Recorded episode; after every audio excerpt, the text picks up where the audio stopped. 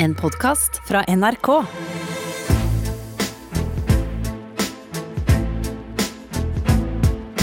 Trump mot verden med Gjermund Eriksen og Sean Henrik Matheson.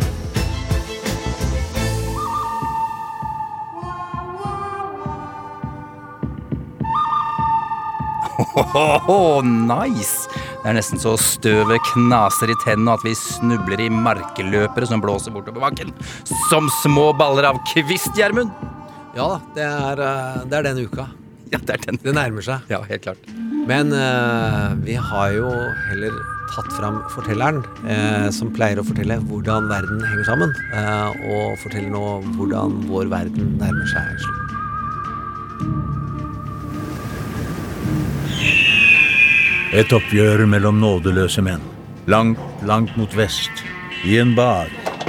Ut kommer en gammel mann og stiller seg klar. På den andre siden, i en annen bar, kommer en annen gammel mann og stiller seg opp. COVID, COVID, COVID, COVID, COVID, COVID, COVID, COVID, COVID, COVID, COVID, COVID. It's going away. En mann skal jages vekk. Duellen er nå. Byen er DC. Trump mot verden får sin finale. Ja, det er Nils Nordberg, The Voice of NRK. Ja, jeg elsker det. Eh, Nostalgigasspetal Ja, ja. nummer én. Jeg blir så glad. Og Kry, ikke minst. Ja. Velkommen til Trump mot verden, og den første av våre daglige podkaster fram mot valget tirsdag 3. november. Det er mandag 26. oktober i dag. Det er åtte dager igjen til det smeller. Vi lager en episode også på onsdag den 4., bare så det er sagt. eh, Og da har vi bedt om at eh, psykiater Trude Fiksdal skal komme, sånn for sikkerhets skyld. Vi tar ingen sjanser, og det tror jeg kan være lurt. Jeg heter eh, Sean Henrik Matheson. Gjermund Eriksen sitter her rett overfor meg. Eh, Gjermund, skal vi si litt om hva vi skal gjøre denne uka her? Vi har valgt en uh, overbygning uh, som uh, vi har kalt duellen i DC, eller showdown i DC, avhengig av om du snakker norsk eller engelsk. Og så er det tanken at vi snakker med flinke folk om ulike perspektiver på dette valget vi står i. eh, og så snakker vi om hva som har skjedd i 24 timene. Ja, ja. De siste 24 timene. Ganske enkelt. Eh, Vi har valgt oss eh, westernsjangeren som vår metafor. Hva skal vi si om det? At det er ikke valgt ut ifra at vi er menn godt over 45, men det hjelper jo. Det er for meg, for meg så er det gjennom en legendarisk forelesning som jeg opplevde av Odd Are Berkåk og Ivar Frønes, som jobber ved Stats Samfunnsvitenskapelig fakultet i Universitetet i Oslo, Ok. eh, som peker på eh, westernfortellingen sin betydning for amerikansk kultur. Eh, som virkelig etsa seg fast. Og poenget deres er dette er det området hvor fortelling nærmest har bevist sin rett mest om hvordan det former kultur, former identitet og former selvforståelse. Gjennom å forme en moderne mytologi folk ikke vet er en mytologi. For det har ikke funnet sted slik det har skjedd på film. Dette er den fortellingssjangeren som vokste fram tidlig i 1900-tallet, som er vår første actionhelter. Det er cowboyene som redder de mange eh, fra den onde. Eh, og hvor noen sentrale selvforståelsesprinsipper hos amerikanerne eh, blir gjentatt om igjen og om igjen og om igjen. No one is above the law, som er en av de viktigste. Og det å slåss mot tyrannen, det er en amerikansk jobb. Om det er å gjøre opprør mot den jækla engelske kongemakta, eller enhver overmakt som skal komme inn i livet deres. Og så har det i seg noen sentrale dramaturgiske elementer som gjør at hvordan man skaper helter, og hvordan man skaper karakterer, så tenker en god del amerikanere igjennom hvordan amerikanske cowboyhelter ble. Blant annet Joe Biden. Og han ser seg selv som Clint Eastwood, en ung Clint Eastwood som gjennom sin spagettivestern satte standarden for hvordan den moderne actionhelten skal levere kule replikker, være kald og late som han ikke bryr seg om noe, før han redder alle og bryr seg om alt. Og hør her fra For en nevedollar. Hey, you making some kind of joke? No. You see, I understand you men were just playing around, but the muley just doesn't get it. Of course, if you were to all apologize, I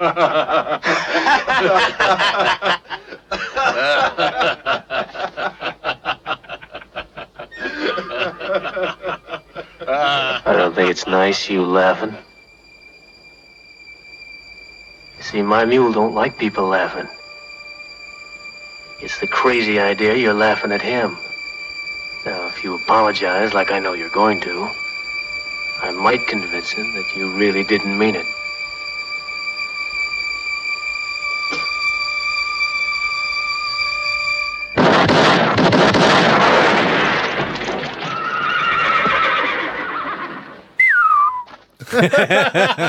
Ja, ja Det som skjer i For en EU-dollar, er en som gjentas i cowboyfilm etter cowboyfilm, men som spagettivesteren løfta opp og estetiserte på en utrolig flott måte, som vi skal snakke mer om seinere i uka. uh, hvordan det reiste kulturelt. Men to viktige effekter. Den samler publikum. Den samler karakterens publikum ved at den bringer ofte landsbyen på sitt lag. Eh, og det er samlende av kinopublikum, men derfor også tenk dere i hva som er Bidens jobb, samle et publikum bak seg for å gjøre opprør mot én tyrann. Så har det en annen effekt, nemlig at oftest starter westernhelten som kald, kynisk, bryr seg ikke om. Og så er det en reise hvor han stadig mer bryr seg om. Og i Joe Bidens mytologi så er han en politiker som i den amerikanske virkelighet ikke bryr seg om vanlige folk. Og så viser han empati hele veien. Han skal dra Donald Trump bak låven og banke han opp, eventuelt slå han i pushups. Eh, og i hvert fall der han er kald, er i retning Donald Trump. Og hele fortellingen han har lagd, har han lansert fra første reklamefilm, The Battle of the Soul of America. Og det kunne vært en westernhelt. og det kunne vært en westernfilm. Og jeg burde ikke komme borti kaffekoppen min. Jeg likte den lille soundeffekten der, jeg. Ja, det var det. Er inne, da sier vi det var innøvd. Ja, det er innøvd. Uh, er det noe, hva står på spill her, da? Nei, det er jo alt for byen. For alle de uskyldige kvinner og barn, så er det, skal de for alltid ligge under tyrannens åk, eller skal denne ene helten klare å trene de opp til å være med på hans lag og overvinne onde overmakten? Det står på spill der, mens i virkeligheten, i Joe Bidens virkelighet, så er det jo de to store pengesekkene, hvis dere hører på podkasten hvor vi har intervju med Thomas Seltzer, hva som står igjen, Medicaid, Medicare, de store offentlige velferdsprogrammene, det kan demonteres. Det er Obamacare, at det er forsøk på å komme i gang med et helsevesen som er til for alle, det kan demonteres. Det er hvordan The Administrative State, altså hele prosjektet til Donald Trump gjennom Steve Bannon, er å demontere det føderale nivået, slik at selskaper og de kreftene de er for, kan få fortsette. Og så vil jo noen si, blant annet ganske mange av oss her i Norge, jeg tror vi er over 90% at han utfordrer hele demokratiet. Så stakesene er absolutte, aldri vært høyere i en valgkamp i min levetid, og denne western syns jeg folk skal følge med på. Ja, jeg er helt enig, og det skal vi holde på med hele uka, og også neste uke. Eh, la oss ta litt fram Og resten Ja, er i fire år dersom Donald Trump vinner. Og husk dette, stakes, folkens. Og dette kommer vi sikkert til å gjenta. Hvis Biden vinner Florida, så er det utrolig stor sjanse for at han vinner valget. Det vil si kjempehøyt. Og det er kjempejevnt der. Hvis han taper Florida, så er det 56% sjanse for at han vinner. Med andre ord helt tosse. Uhuhu. Støvet blåser, Gjermund. Eh, Tumbleweeden eh, ruller eh, langs bakken her. Hva er det som kommer ridende borti horisonten? It's a woman. Dette er en moderne western. Det rir en kvinne inn! Hallo.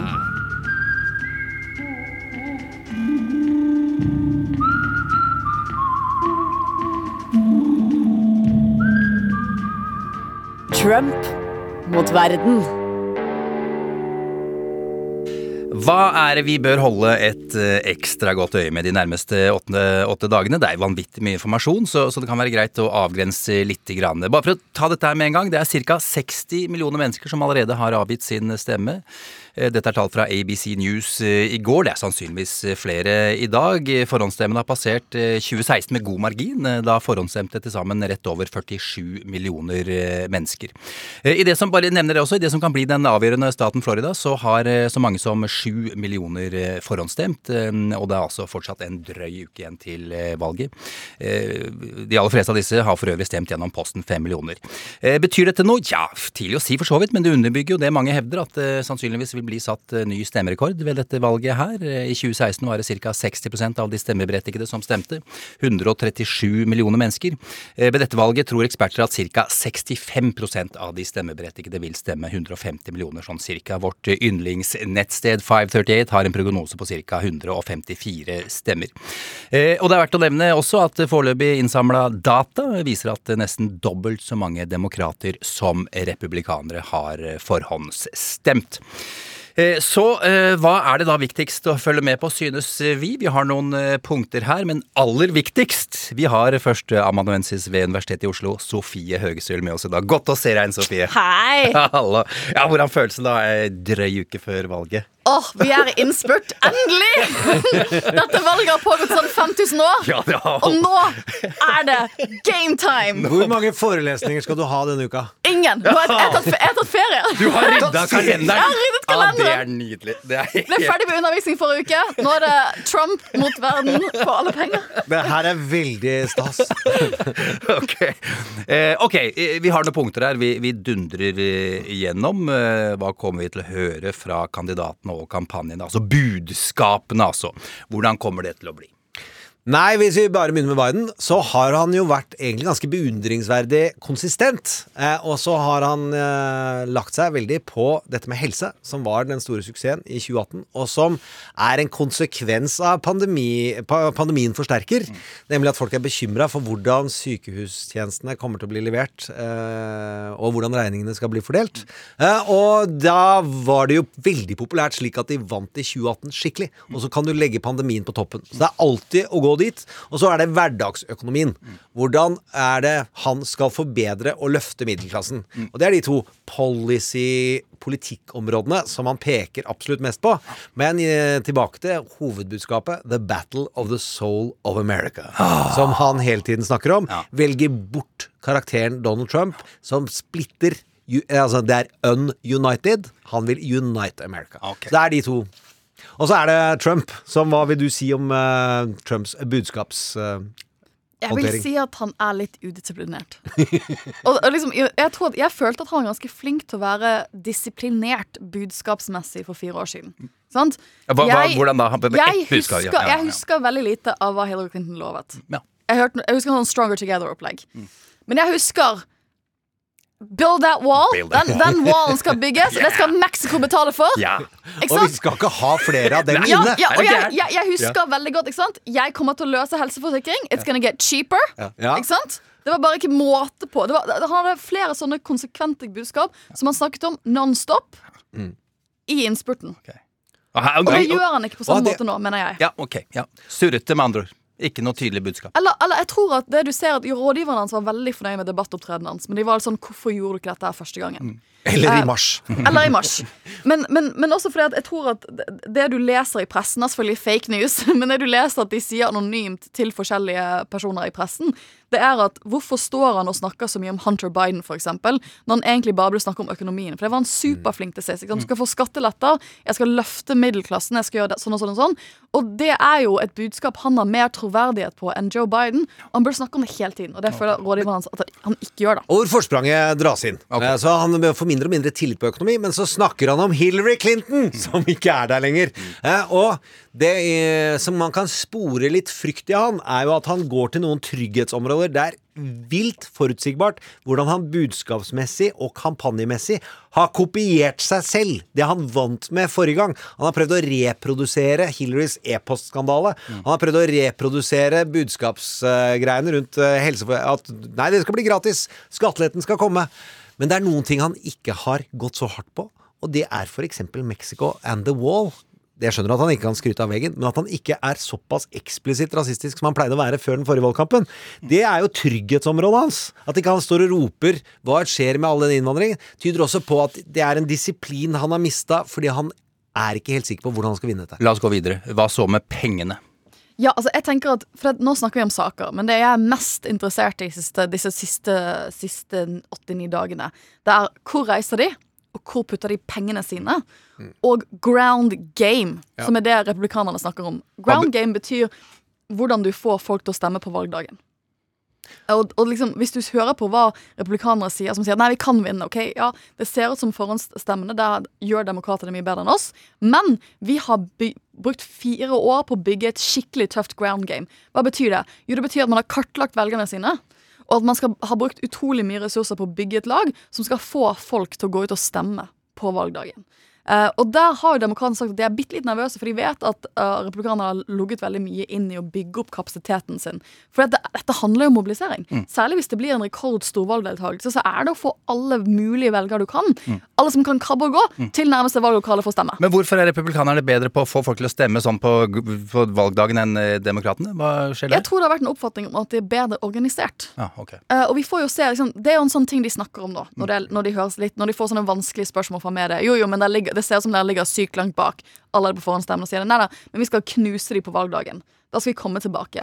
Og da får vi se, det, det vil jo tiden vise om de har bygget opp et sånt ground game som de snakker om. Så er det reisemønsteret som hun nevnte. Ja. Ja, det, dit Donald reiser, så han prøver å ha tre-fire. Han har et utrolig hektisk program. Eller super spreader-program, som, som er litt kritisk til at han samler folk uten maske rundt, rundt forbi. Men det å få lokalpresse, få lokal omtale, er en viktig del av deres pengemanglende strategi. Earned media, dvs. Si at lokalpressen og den, den seminasjonale og delstatspressen skriver om en sånn du får velgerne ut. Ok. Ja, når, når han kommer til disse stedene. Ja, Men han mista en uke. Husk på, han lå en uke på sykehus. Det er ikke Det hjalp han ikke akkurat. Så vi får se åssen det går. Og ja, Bare på det med penger. Det som er Problemet til Trump er at han visstnok har en del mindre penger nå enn det Joe Biden har. Og så har han et problem i det at en del av kronejuvelene hans i stater som han bare burde vinne, som Texas Texas, hvis du går på 538 nå, så står det even! Likt! Texas likt! Det er likt, og det betyr at du må plutselig pøse penger inn i Texas for å vinne Texas. Ja, ja. Og det er jo helt, Hver krone du bruker i Texas, kan du da ikke bruke i Pennsylvania, Michigan, Wisconsin. Og det er, det er vanskelig, og sånn bare psykologisk. Ja, ja. Psykologisk for republikanerne. Hvis demokratene Jeg tror ikke de vinner Texas, men skulle gjort det. Bare tenk på den psykologiske effekten, Ja, effekten av å tape Texas. Da er det en skikkelig happy go lucky inn i solnedgangen. Hele landsbyen kaster hattene i været, og det spilles bare gladmusikk for demokratene. Fordi det er altså så eh, rabiat storseier at det kan man ikke forvente i film 1. I westernfilm 1 kan man ikke forvente Texas. Så rolig, folkens. Men oppsummert budskapene, Ja. pengene, Ja. reisemønsteret, Ja. ground game, eh, og til slutt Ja, hva vil eksempel da seriøse medier fokusere på i forhold til da disse høyreboblefolka, hvis det går an å kalle det det? La oss si det sånn at forrige gang Ja. så var det Hillarys e-mails for alle penga pga. Comey-brevet. Eh, I forhold til at dette er sånn som knekker, kan knekke 1% eller 2 men det har alt å si. Og nå ligger det jo ganske godt an til at det blir korona for alle pengene i de seriøse mediene. Og så er det en stridighet inni de, de til høyre som eh, jeg tror det er verdt å snakke om for seg selv. Ok, ja, men da gjør vi det.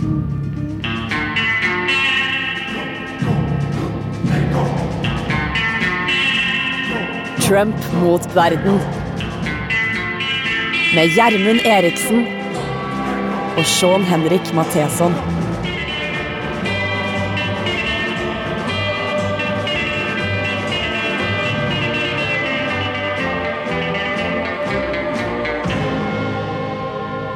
Silje foreslår hver uke å ta bort navnene våre, men vi ber henne om at de må legges inn og leses opp.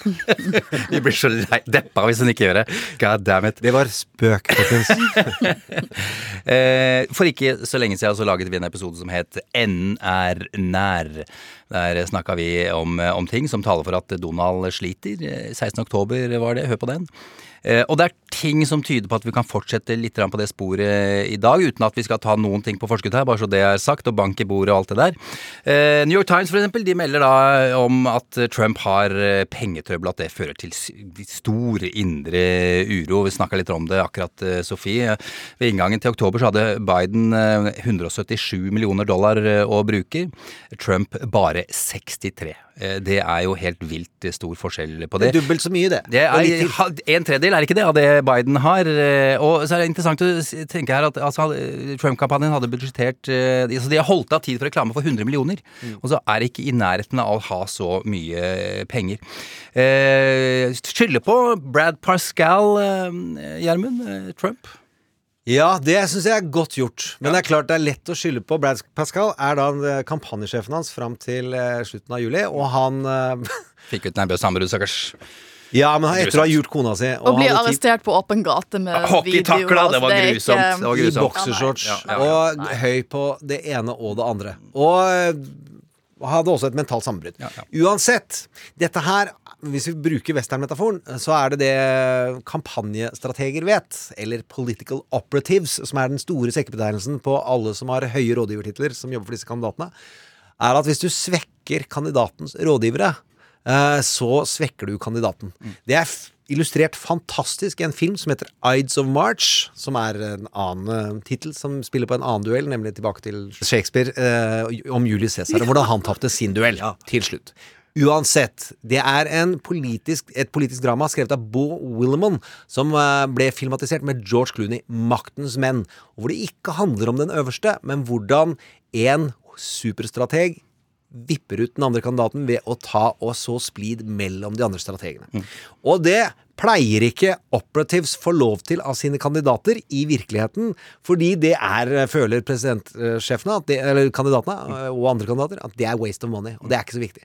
Lincoln Project som er dusørjegere. Altså det er bounty hunters i dette universet. De jobber ikke for noen, de jobber bare for å nå et mål. Eh, og det er én plakat, særlig. Donald Trump sitt hode. Wanted, Dead or Alive. Og så har du hele apparatet av alle politikere, men så har du rådgiverne.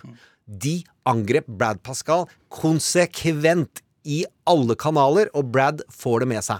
Eh, og er eh, årsaken til at han blant annet får et sånt mentalt sammenbrudd, eh, spekuleres det i. Ja, for dette har du jo snakka om mange ganger, at dette kan føre til at de får eh, mental ubalanse, sånn som Jared og Ivanka, som jo Ja, ja. henger på Times Square nå. Og at det, kommer kommer funker, dit det, kommer- ja, det funker, liksom. Dit kommer vi til. Ja. Jeg tror de tenker at hvis de er, kommer seg inn i hodene til disse rådgiverne til Trump, så er det og, og rådgiverne til Trump bruker hele dagen på å erge seg over å bli angrepet og hengt ut sånn, Ja. så er det en hel dag de ikke bruker på å kunne drive Trump-kampanjen. Ja. Sånn, Der settes folk ut av spill. Ja, og hør her hvordan de angrep en av rådgiverne forrige uke, eh, som er igjen. Han heter Miller. Team Miller, og er mm, topp tre rådgivere på hvordan penger skal brukes. Meet Jason Miller. He's a deadbeat dad making over half a million dollars a year while fighting against just $3,000 a month in financial support for his own child. A child he had following an affair he participated in despite being married. This is a man who has admitted hiring prostitutes for years, who had to step down from a job after he was accused of drugging a stripper with an abortion pill. Jason's character isn't some Washington rumor. It's a matter of court record. Lincoln Project er denne gruppen av eh, republikanere som ikke orker å tenke på at Altså- Trump skal være mer president. Det er så brutalt. Ja, det er brutalt. det er så brutalt, Ja, og det det er så personlig, ja. og det er så, så, så sterkt. Men som, som Gjermund sier, de er bounty hunters. De bryr seg ikke om Nei. hvem som kastes under bussen her. Og så har vi har jo ett mål. Ja, ett mål. Å få ubalanse i rekken. ikke sant? Og så Mm. har vi jo Times Square i New York, eh, der, eh, der det henger svære posters av Ivanka og Jared. eh, Ja, altså, dette ja. er min favorittnyhetssak. Ja, for vært. Det er det. det, er det. det For det. det, det eh, disse guttene har gjort, det er at de har tatt ut um, store billboards Ja. på Times Square. For de som har sett bild, Alle har vel sett bilder av det? Ja, ja. De Eller smurfefilmen. Den er i smurfefilmen. Ja, den er i smurfefilmen. Uh, og um, de har tatt ut billboards én til hver. Så jeg har bilder av seg begge to. Mm. På, på hver sin side. Det er veldig side. nydelig. Det er veldig fint. Ja, ja. Um, og dette her har vært en bro for langt for stakkars Jared og Ivanka. Man kan skjønne at det er ikke noe gøy ja, jeg i, skjønner det. i hjembyen din, liksom, å bli hengt ut på den måten. Så de har gjort det som er liksom Trumps signature move, Mm. som er å gå til søksmål. Yes. Vi truer søksmål! Og dette, liksom, dette, dette skal jeg poste på, på Facebook-siden vår, men en av de liksom, morsomste tingene jeg forbinder med Trump, det er at han kom i clinch med Bill Maher for en del år tilbake. Mm. Da jeg bodde i USA. Eh, hvor, eh, hvor, dette var når, når Trump ønsket å få utlevert uh, Obamas sine um, fødselsattester. Og da sier Og, og, og, Bill Maher, som er en uh, amerikansk um, eh, Han har sitt eget eh, Han driver med politisk satire. Og han gjør da en sånn parodi av dette og sier at ja, ja, hvis du beviser at du ikke er sønnen til en orangutang, altså en ape hvis du, kan, hvis du kan vise det, så skal jeg også gi en million Jeg kan gi en million dollar for det, liksom. Og da offentliggjør Trump, Trump sin, sin, sine, sine fødselsattester på hvorvidt han ikke er sønn av en ape. Og Bill Maher bare sånn But it's a, så, så saksøker han Bill Maher for at han ikke har fått en million dollar. Og, og, og Bill Maher bare sånn But it's a comedy! It's satire! Det var sånn, Du kan ikke holde på men, altså, Han vant jo alle det søksmålet. Ja, ja, ja. Men at det er litt, litt det samme da at dessverre, når du har blitt Altså, liksom, når du har blitt rådgiveren til presidenten, Ja. da har du ikke privatliv på samme måte. Nei. Sånn funker det bare ikke. Sånn er det bare. Sånn er det bare. Det er vel- Um, Og det er da- vel veldig strenge lover. ja, altså, akkurat på det har, har man ganske vidt handlingsrom. Så det, det de har gjort, da, en sånn episk takedown, juridisk takedown, er at de har fått advokatene sine til å skrive et svarbrev til dette søksmålet. Og det er noe av det beste jeg har lest. Ja, det ligger, det ligger ute ligger på Facebook-siden. Det er veldig, er veldig gøy. Altså, altså, altså, Jeg kan si, folkens, hvis noen angriper deg for å få oppmerksomhet, så er det veldig eh, viktig å vurdere om å ikke gi dem mer oppmerksomhet. Nei, det, det har Ivana og Ivanka Ja, og, og det- Jared Og det som har skjedd nå, er at de har jo legitimert at New York Times kan skrive om dette. Nå skriver de store mediehusene om Mm. det, fordi, at de har, fordi at de har brakt saken på dagsordenen selv. Ja, og, og disse er utrolig viktige rådgivere for Donald Trump. Ja. Vi kan ironisere over at de gjør hist og her, men de er relativt fornuftige målt mot andre Trump-rådgivere. Folkens, eh, Fox-bobla den er vel også i ferd med å sprekke her, ikke da? Så vi har Wall Street Journal, eh, og vi har Fox News, og vi har alt mulig her som foregår, og er, her, her er det ikke så lett å henge med lenger. Helt superkort. Donald Trump satsa alt han kunne i debatten på torsdag. At han skal selge inn og forlenge nyheten om at Hunter Biden er en skurk. Ja. Og det finnes masse e-poster. Ja. Hillary Clinton-kopi. Masse e-poster. Og så skriver leder- og kommentaravdelingen i Wall Street Journal, som er den største avisa i USA, tror jeg, og som eies av Rupert Murdoch. Her må det Fox. granskes! Her må det granskes! Fox, ja. Og så sier samtidig nyhetsavdelingen i den samme avisen Vi har gransket, finner ingenting! Det er indre uro. Det er i indre Og så har vi en annen indre uro som er enda verre. Enig, ja. Og som er uh, for ganske mange, og en kjent og kjær karakter, nemlig Lindsey Graham. Mm. Han som er senator i South Carolina. Og Lindsay. Lindsey, den mens, og dette er en objektiv vurdering, den mest uverdige senatoren de siste fire årene. Han har ikke- sagt motstridende ting. Det Ja, er ja, ja, det er, ja, alle er enige om det, og jeg, bare det jeg skulle si, alle er enig i det. Lindsey Graham er en mann uten ryggrad, det sier jo alle som Ja, veit hvem det er. Men ja. det sier man ikke i Fox-systemet, egentlig. Og det er den dyreste senatskampen i amerikansk historie. Mm. Jeg husker ikke tallet, men det er kjempehøyt. Og det brukes av Demokraten og Lindsey Graham. Ja, og, og det som er påpekt, at han er senator i South Carolina. Er du republikaner i South Carolina, så skal du vinne. Du må vinne. Ja. Og så kommer Lou Dobbs Ja, ja. og sier Og Lou Dobbs, folkens, nest øverst i Fox-hierarkiet. Mm. Ett under Hannity. Den med størst kred, og særlig blant gamle. Og religiøse, fordi la oss si Hannity oser ikke kristendom. Men Dobbs eh, gjør det. Hør hva Lou Dobbs sier, og han forteller her, eh, starter egentlig med å gjenfortelle hva Donald Trump sa i 2016. Hør. And this is what, by the way, Donald Trump said of Senator Lindsey Graham back in 2016 while he was campaigning for the presidency in South Carolina. I believe the, the uh, president's words about the senator then apply today. He said, I think Lindsey Graham is a disgrace, and I think you have one of the worst representatives of any representative in the United States. I don't think he could run for dog catcher in this state and win again. I really don't. Other than that, I think he's wonderful. He's one of the dumbest human beings I've ever seen. The guy is a nut job. Graham has betrayed President Trump at almost every turn. He has betrayed the American people and his oath of office. He's done absolutely nothing to investigate Obamagate. Senator Graham needs to be tuned out in South Carolina. Helt sykt. Ja, det er altså, vilt. altså, altså, Lindsey Graham har ofret på mange måter hele sin troverdighet for Trump. Mm. Gang på gang på gang i fire år. Og dette er det han får som betaling fra Fox News. Mm. Og jeg tenker at eh, liksom, hvis vi tenker på hva, hva er det vi skal følge med på disse, disse siste dagene? Følg med på South Carolina. For hvis Jamie Harrison, som er den demokra unge demokraten da, som har kommet ut fra ingen steder, og nå leder på noen av meningsmålingene Han ligger to prosentpoeng foran på de siste meningsmålingene 538. Hvis han vinner South Carolina, så tror jeg vi ser en fremtidig presidentkandidat. Han er utrolig sjarmerende, fått inn masse penger. Hvis han greier dette her Så igjen, det er liksom som Texas, rett i hjertet. Da skal jeg ta 50-årskrisemålet mitt. Eh, eh, tre, må, tre år før. Da er det framlengs baklengssalto. Ok, ja, eh, du har forsøkt deg på baklengs, det gikk ikke så bra, men du ga et godt forsøk, jeg har sett filmen. Eh, en liten ting her, eh, det er ikke så, bare i foregårs, nei, et par dager siden vi kunne overhøre Trump si at, eh, hør her, folkens, eh, dropp å gi penger til alle som skal inn i senatet, de taper vi allikevel, gi heller penga til meg. Har dette noe med saken å gjøre, det vi hørte Lou Dobbs si nå, eh, Gjermund? Jeg tror veldig det, at eh, nå er Trump i store problemer. Uh, Lou Dobbs gjør ingenting som ikke Trump vil. De snakker sammen på telefon, dette har vært kjempedokumentert gjennom fire år.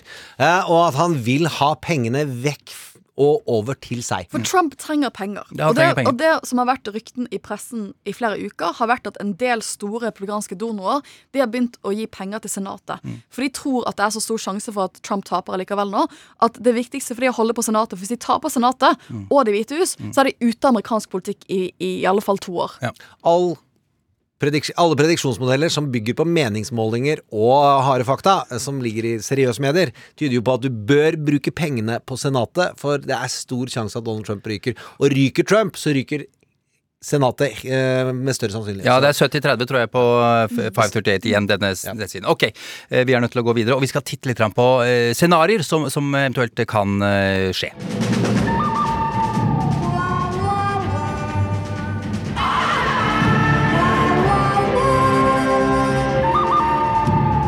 Trump mot verden. Det er mye som kan skje på ei uke, det er eh, helt sikkert. eh, Nå skal vi om scenarioer selvfølgelig her først, og dette kan kanskje høres litt heavy ut, men vi er nødt til å ta den. Han er tross alt en gammel mann, og covid-19 herjer landet. Hva skjer dersom Biden dør, Sofie? Åh, Dette spørsmålet får jeg så mye, og alle tror at jeg kan gi et sånn ordentlig godt og klart svar. Ja, det... det- kan jeg ikke. Ok, det er Han går til himmelen! Vi Han kristne ja. vet at det er det som skjer! Eh, altså, altså, det korte svaret er at det kommer litt an på når han dør. Ja. Hvis han dør nå, før valgdagen, så er stemmingen allerede på, i gang. Sant? Det er flere millioner som har stemt. Navnet hans er på de stemmesedlene. Det er for sent å endre det. Mm. Det som, nok, det som nok hadde skjedd da, er at demokratene gjennom The DNC, som er liksom deres nasjonale Landsstyre, partiorgan, ja, Landstyre mm. de kommer nok da til å utnevne deres nye kandidat og si at dere skjønner at når dere stemmer på Det står Biden, men dere stemmer egentlig på dette teamet nå.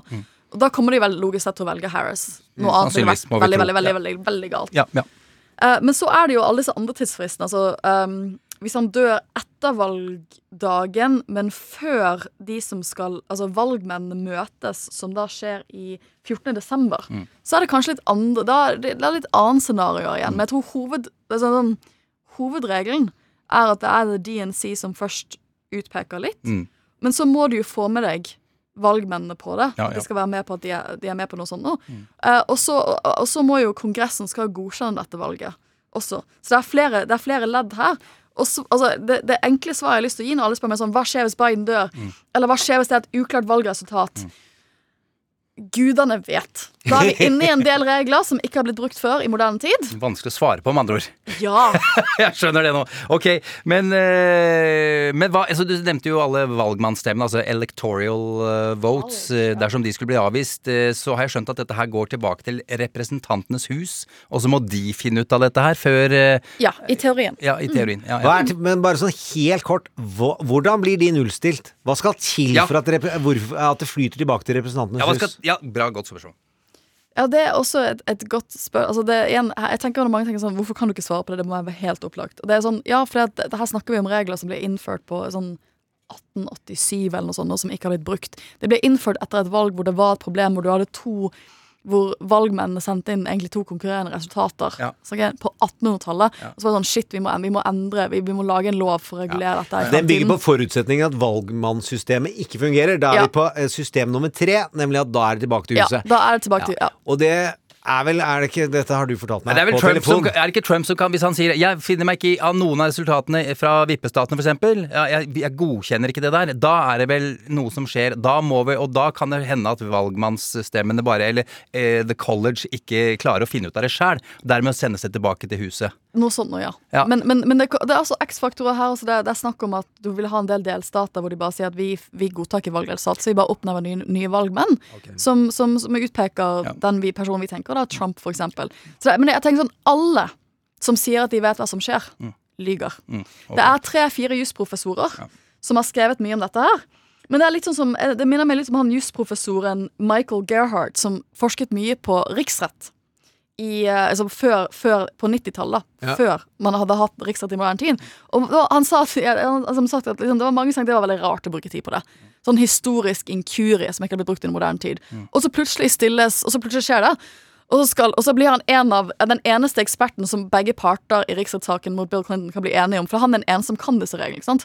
Og det er litt det samme at du har tre-fire statsrettsprofessorer rundt omkring i USA som har sett på dette veldig nøye. Men liksom, dette her kommer nok da til å bli en stor juridisk krangel. Og det kommer nok til å ende i Høyesterett. Ja, okay. Der hørte dere svaret. Mm. Uh, det fins et svar. Det er absolutt størst sjanse, slik jeg har forstått det, men mest av alt ved å snakke med Sofie. Mm. det er at det avgjøres i Høyesterett. Det blir ikke disse småspillene at det kan være ditt eller datt eller dutt, uh, og det gjør det kjempespennende. Og da er det jo artig å tenke at uh, Amy Coney Barrett, eh, som sannsynligvis helt sikkert blir satt inn i Høyesterett i dag, er, er, er i fullt arbeid og skal være med på å avgjøre hvordan valget vil gå. Og da er det altså 6-3 til republikanerne. Nevner Ja, altså, jeg tenker det, det, En av de viktigste tingene for meg da, som skjedde forrige uke, Mm. det var at amerikansk høyesterett fikk servert et sånn hastsøksmål fra Pennsylvania Mm. om hvor lang tid etter valgdagen man kan motta stemmer. Mm. Som er et ganske viktig spørsmål når så mange folk har stemt via posten. Eh, og der greide de ikke å komme til enighet. Der splittet de 4-4, og det som skjer når amerikansk høyesterett splitter 4-4, det er at de ikke greier å avsi en dom, og da er det ankedomstolen som bestemmer. Så det er det siste dommen fra ankedomstolen som bestemmer. Og det viser jo at de er helt splittet tilsynelatende på en del valgspørsmål. Og at Amy Coney Barrett fort kan bli den personen som danner flertall. Det, I Pennsylvania så var det da republikanerne som ønsket at eh, stemmer eh, ikke kunne bli telt etter valgdagen. Mm. Eller at ble- stemmer de mottar etter Ja, valgdagen, skal ja. avvises. Og det- jeg syns det er så vilt korrupt Ja. av de der Ja, ja, ja. republikanerne. Ja, ja, ja. Men så snakket jeg med Sofie, og så sa hun dette gjør vi i Norge. Ja. Ja, nettopp. vi hiver poststemmene hvis, de, hvis du stemmer i Bergen Altså, og du jeg- egentlig jeg- hører til i Oslo. Så hiver vi den jeg, jeg, samme dag. jeg, jobbet, jeg var praktikant ved ambassaden i, i Haag under valget i 2009, og da tok jeg imot valgstemmer fra uh, nordmenn som bodde i Nederland. Og da måtte vi si til dem at hvis du stemmer sånn to uker før valgdagen i Norge, så kan vi mer eller mindre garantere at poststemmen din kommer hjem tidsnok. Men hvis stemmer du to dager før, så vil den, for hvis den kommer inn for sent, så blir den ikke talt. To kjappe scenarioer helt eh, til, på tampen her. Eh, Altså blir det altså Det ryddigste scenarioet vil jo være at hvis det, det blir totalt seier til Biden, hvis han f.eks. hører allerede på valgdagen eller kvelden at eh, jo, Biden vinner Florida, da er, da er det ikke så mye mer å mase med. Er Da det? er det veldig få som sier at det er noe som helst mer å mase om. Da Ja, tror jeg ja. det ligger på 98 Ja, ja. sjanse for at Biden vinner Ja, i hos uh, 538. Han må vinne Florida. Det er en grunn til at Obama var i Florida i går. Helt Her sender vi the big guns. Men dersom Trump vinner eh, Florida, så er vi på det jevne igjen, og da kan alt dette høyesterettsmaset og styret komme inn i spill igjen. Da er det helt Da trenger vi psykiater. Trude Fikstad. Ja, kommer den onsdag? hun kommer onsdag, Trude Fikstad. er Er det, er det litt deilig. ille at jeg som jurist altså Jeg vil jo at vi skal ha et avklart valgresultat. Jeg vil at det skal være tydelig, bla, bla, bla. Men det er en liten del av min sånn Jeg liker jo statsrett. Craziness, jeg syns, ja. grunnlovsrett er veldig morsomt. Og jeg vil jo e- gjerne egentlig vite hva er reglene. Hva er reglene hvis det er uklart? Jeg tror vi alle kjenner på det. alle- Sofie. Jeg tror vi gjør det. Alle kjenner på at de egentlig elsker jurister, men de hadde jo ikke funnet dersom det fantes klare svar. Vi er nødt til å runde av eh, i morgen tirsdag, Gjermund. Å, storfint besøk. Hadia Tajik, Yes! nestleder, Ja. altså vice president på mange måter. Så uh, å diskutere VP-rolla, hvordan det er å være kvinne i politikk og bli holdt i en høyere standard, eh, slik Kamala Harris, Hillary Clinton og en do- del andre kvinner har blitt talt, tror jeg blant annet er utrolig interessant å snakke med om. Retorikk, ikke minst. Der la jeg på Indre Østfold Ja, på første, for å liksom folkeliggjøre meg sjøl. Ja, ja. Ja, det er viktig. Har uh, store forventninger til den samtalen. Ja, jeg gleder meg veldig. Er altså. kjempekult. Veldig, veldig kult. Eh, Gjermund, uh, sånn helt, på, helt til slutt, så skal du ta, ta western ut i verdensrommet. Dette er viktig. Ja. Uh, for å forstå hvor stor betydning western har, så er jo Star Wars en space western. Eh, altså det er western gone to space. Eh, og så har den også hatt i seg politiske taler tidligere.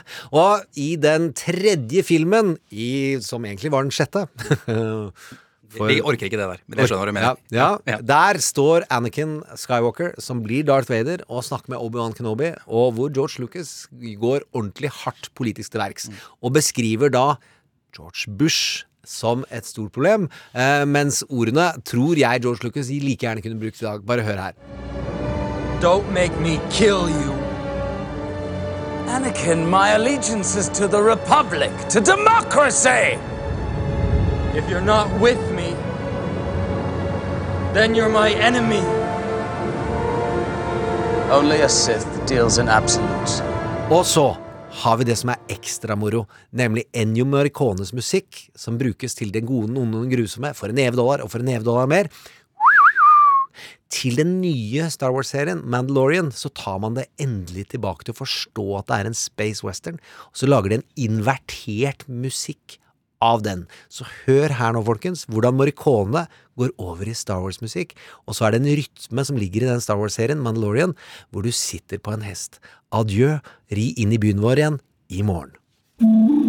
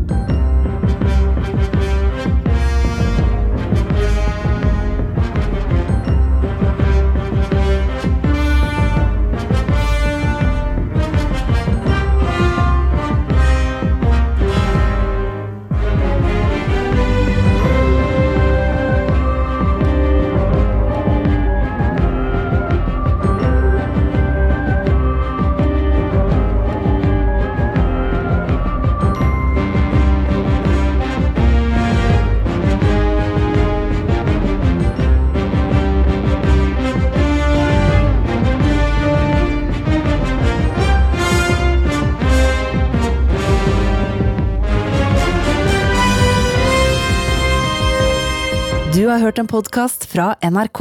Hør flere podkaster og din NRK-kanal i appen NRK Radio. Er det nesten krig i USA nå? Bli med ut på veien for å høre med amerikanerne selv.